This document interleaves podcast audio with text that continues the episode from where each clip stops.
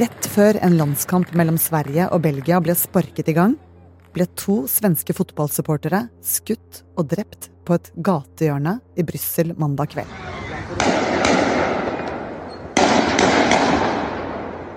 En tredje svenske ble alvorlig skadet og ligger fortsatt på sykehus. Ifølge vitner skal gjerningsmannen ha ropt 'Gud er stor'. Like etter stakk han av på moped. Nå etterforskes dobbeltdrapet som en terrorhandling. For de to mennene ble etter all sannsynlighet drept fordi de var svenske. Hva er det som gjør at svenske fotballturister nå er så utsatt at de vasker bort gule og blå flagg fra ansiktet? Du hører på Forklart fra Aftenposten, en podkast der vi forklarer én nyhet i hver episode. I dag om hvorfor Sverige har kommet på hatlisten til mange muslimske land. Jeg heter Synne Søhol, og i dag er det torsdag 19. oktober. Her i Brussel er det en god del ting som har vært stengt eh, dagen etter terrorangrepet mandag. Um, det er flere butikker som er stengt, parkeringshus, mange skoler og universitet holder òg stengt. Um, folk er oppfordra til å holde seg inne og ha hjemmekontor. Og flere nordmenn jeg har prata med, har fått beskjed eller blitt sterkt oppfordra av arbeidsgiver om å holde seg hjemme og, og ja, ha hjemmekontor. Rakel Haugenstrand jobber som Aftenpostens europakorrespondent og bor i Brussel, ikke så langt unna der de to svenskene i 60- og 70-årsalderen ble drept.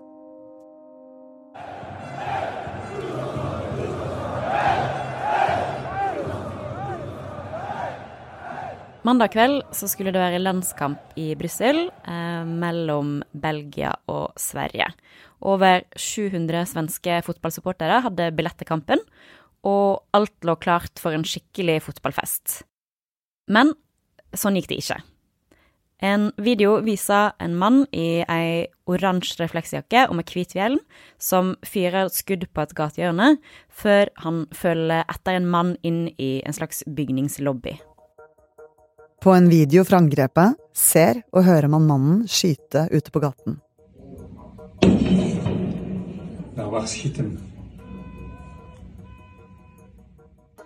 På en annen video ser man at samme mann går inn i en bygning og skyter, og at en person faller mot bakken.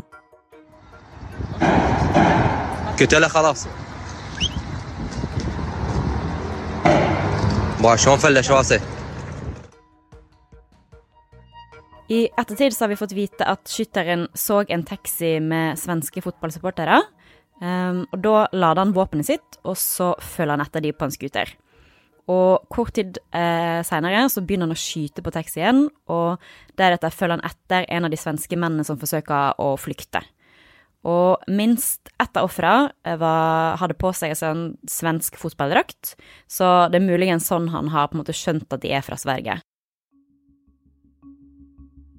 I pausen ble det svenske landslaget informert om hva som hadde skjedd. De bestemte seg for å stanse spillet og utsette resten av kampen. Men det tok lang tid før tilskuerne kunne forlate stadion. Supporteren som var på arenaen, eh, ble rett og slett ja, holdt eller stengt inne der da, eh, fordi man var så usikre på situasjonen ut forbi. Og um, stemninga var veldig emosjonell, og man ser bilder av flere som begynner å gråte. Og til slutt, eh, godt etter midnatt, så ble de første supporterne evakuert fra stadion. Og da gikk det i pulje ut med politieskorte. Og den siste gruppa ble henta ut så seint som klokka fire natt til tirsdag. Etter en lang natt hvor politiet jaktet på gjerningsmannen, ble han skutt og drept på en kafé under pågripelsen. Den mistenkte mannen er en 45 år gammel tunisisk asylsøker og har oppholdt seg ulovlig i Belgia. Han blir identifisert som en tunisisk mann som fikk avslag på asylsøknaden sin her i Belgia. Og Mannen la ut en video der han snakker på arabisk, um, og der han sier at 'jeg har hevna muslimer og jeg har drept tre svensker'. Bismillah wa salatu ala rasulillah. Alhamdulillah, Abdeslam, Jilani, Miftah al-Aswad. Eh, og han sier at han vil dø som en slags martyr for IS. Den svenske statsministeren sa tirsdag at den mistenkte gjerningsmannen fikk avslag på asyl i Belgia, men at han ble værende i landet. Eh, han sier òg det at mannen skal ha oppholdt seg i Sverige på et tidspunkt. Svenske og belgiske myndigheter gikk raskt ut og hevdet at dette var et terrorangrep mot svensker. Belgiske myndigheter gikk ut og oppfordra svensker til å på en måte skjule nasjonaliteten sin med å både ta av seg fotballdrakt, ikke vise fram flagg, um, og ja, rett og slett være litt anonyme, da. Um, og holde seg inne, så klart. Og så eh, har eh, den svenske statsministeren sagt at han forstår eh, rådet fra Belgia, men at man på sikt eh, må kunne vise at man er svensk, og være, og være, stolt av at man faktisk er svensk. Men under selve kampen så var det mange supportere som tok av seg trøya og, og vaska bort den malinga de hadde i fjeset. Det svenske sikkerhetspolitiet sier at Sverige og svensker er blitt et prioritert terrormål.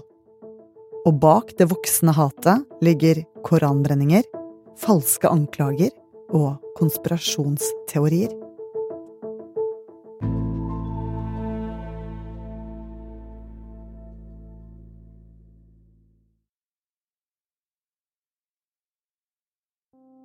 Alt taler for at dette er en terrorattakk riktet mot Sverige og svenske medborgere bare for at de er svensker.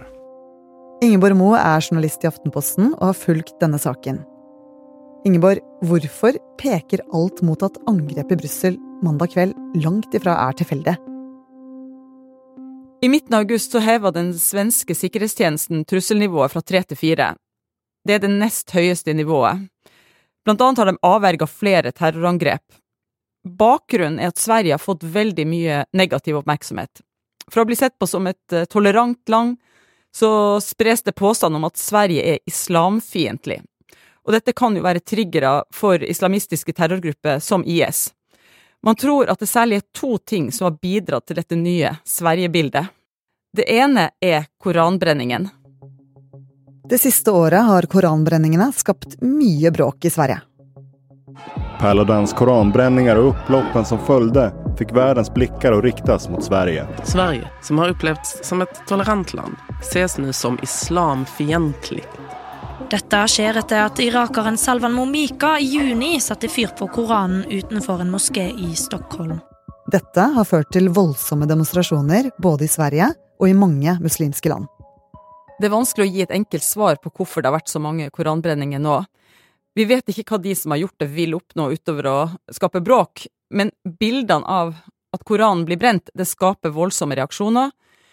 Bare det at det er lov å brenne Koranen, vekker reaksjoner, men det er jo også lov i Norge. Men det at det svenske politiet står og passer på de som brenner Koranen, blir brukt til å påstå at svenske myndigheter oppfordrer til det. Men det er altså helt feil, og dette har skapt masse trøbbel for svenskene. Tyrkia og president Erdogan har jo brukt disse koranbrenningene i den diskusjonen om Sverige skal få bli Nato-medlem. Noen måneder etter at Russland gikk til krig mot Ukraina, søkte Finland og Sverige om å bli medlem i Nato. Men for at det skulle skje, måtte søknaden godkjennes av alle Nato-landene. Finland fikk omsider ja, men ikke Sverige. For Tyrkia og Ungarn har ennå ikke gitt tommelen opp for svenskene. Og grunnen? Tyrkia påstår annet at Sverige huser folk som de mener er kurdiske terrorister, og vil ha dem utlevert. Nato-sjef Jens Stoltenberg har jo flere ganger fått til avtaler mellom Tyrkia og Sverige for å sikre at Sverige blir medlem, og mener at avtalen er oppfylt. Men Tyrkias nasjonalforsamling har fortsatt ikke sagt ja. Og koranbrenningen har nok forverra forholdet, og mange tror Erdogan bruker denne oppheta stemningen i et forsøk på å oppnå mer før de sier ja til Sverige, eksempel å få kjøpe amerikanske kampfly. For Ungarns del så virker det rett og slett som de utsetter dette her til Tyrkia har sagt ja. I tillegg har Sverige en annen vanskelig sak. Både det svenske og norske barnevernet er blitt kritisert internasjonalt for å fjerne barn for raskt fra deres biologiske foreldre. Men i Sverige har dette tatt helt av. For her har det vokst fram en stor påvirkningskampanje med konspirasjonsteorier om at svenske myndigheter kidnapper muslimske barn. Vi har også sett kampanjer i utlandet også mot norsk barnevern, men det det svenske barnevernet har vært utsatt for, er en helt annen skala. Det har vært spredd påstander om at svensk barnevern kidnapper muslimske barn, og dette har blitt spredd i voldsomt mange kanaler. Påståendet att svenska myndigheter kidnappar barn, framförallt från muslimska föräldrar. Syftet var att sprida misstro mot svenska myndigheter och som stöd för detta spreds annat bilder på gråtande barn. Informationen används som ett maktmedel för att vilseleda. Mediekanalerna har ju hundra, hundratals miljoner eh, tittare och följare. Eh, Så det har ju hela tiden varit en, en konstant interaktion, en, en konstant vad ska jag säga, taktning av kampanjen. Man har använt de här svenska exemplen internationellt och så vidare. Och det, det har ju ökat på hotbilden mot Sverige. Dette beskrives som den største påvirkningskampanjen som Sverige har opplevd. Og disse ryktene og påstandene om at svenske myndigheter kidnapper muslimske barn, blir spredt først og fremst i arabiskspråklige kanaler på internett av flere aktører. Mange av dem sitter i Midtøsten. Dette starta i slutten av 2021 og pågår fortsatt. Altså, disse ryktene spres jo først og fremst i arabiskspråklige kanaler, men i sommer så sa Myndigheten for psykologisk forsvar, som en statlig etat i Sverige, at de også hadde sett at russiske medier prøvde å spre bilder av Sverige som islamfiendtlig i arabiske kanaler. Og det ble tolka som et forsøk på å forstyrre Nato-prosessen. For Nato-medlemskapet til Sverige avhenger jo av Tyrkia, hvor størstedelen av befolkningen er muslimsk. Hva tjener Russland på det, da? Russland ønsker jo ikke at Sverige skal bli medlem av Nato, så hvis dette stemmer, at en prøver å spre eh, dette bildet av Sverige som islamfiendtlig, så er det vel i et forsøk på å prøve å gjøre det vanskeligere for Tyrkia å si ja. Hva skal til da for at uh, Tyrkia og Ungarn gir uh, tommelen opp for uh, Nato-medlemskap til Sverige? Det vet vi ikke. Sverige mener de har oppfylt sin del av avtalen, det mener Stoltenberg også, og i sommer sa jo Tyrkia at de skulle behandle dette i nasjonalforsamlingen. Så ble det først utsatt til oktober, nå er vi i oktober, vi vet fortsatt ikke når det vil skje. Så for å oppsummere, så kan både koranbrenningene og disse konspirasjonsteoriene om at den svenske sosialtjenesten kidnapper barn, ha bidratt til at de to svenske fotballsupporterne ble et terrormål. Men at et slikt angrep skjer i nettopp Brussel, er kanskje heller ikke tilfeldig. Altså, Belgia og Brussel blir av eksperter beskrevet som et hotspot for terror. Og for slike angrep har skjedd tidligere her, og de er utført av enkeltmennesker mot ulike mål. Um, så har du uh, en ganske kjent bydel i Brussel som heter Molenbeek, uh, som har blitt kalt et arnested for Europas terrorister. Men Rakel, betyr dette angrepet at uh, det er farlig for svensker å reise rundt i verden? Så svensker er nå oppfordra til å være både årvåkne og forsiktige når de er ute på reise. Og det er ikke tid for å være naiv, ifølge den svenske statsministeren.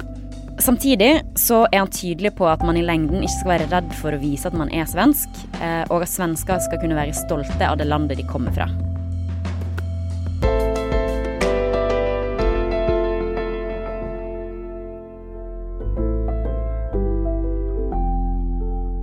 Du har hørt en podkast fra Aftenposten. Det var europakorrespondent Rakel Haugen Strand og utenriksjournalist Ingeborg Moe som forklarte deg terrorangrepet i Brussel. Denne episoden er laget av produsent Olav Eggesvik, Jenny Førland og meg, Synne Søhol. Resten av Forklart er David Bekoni og Anders Weberg. Du har hørt lyd fra nyhetsbyrået AP, den svenske regjeringen, SVT, Twitter og VGTV.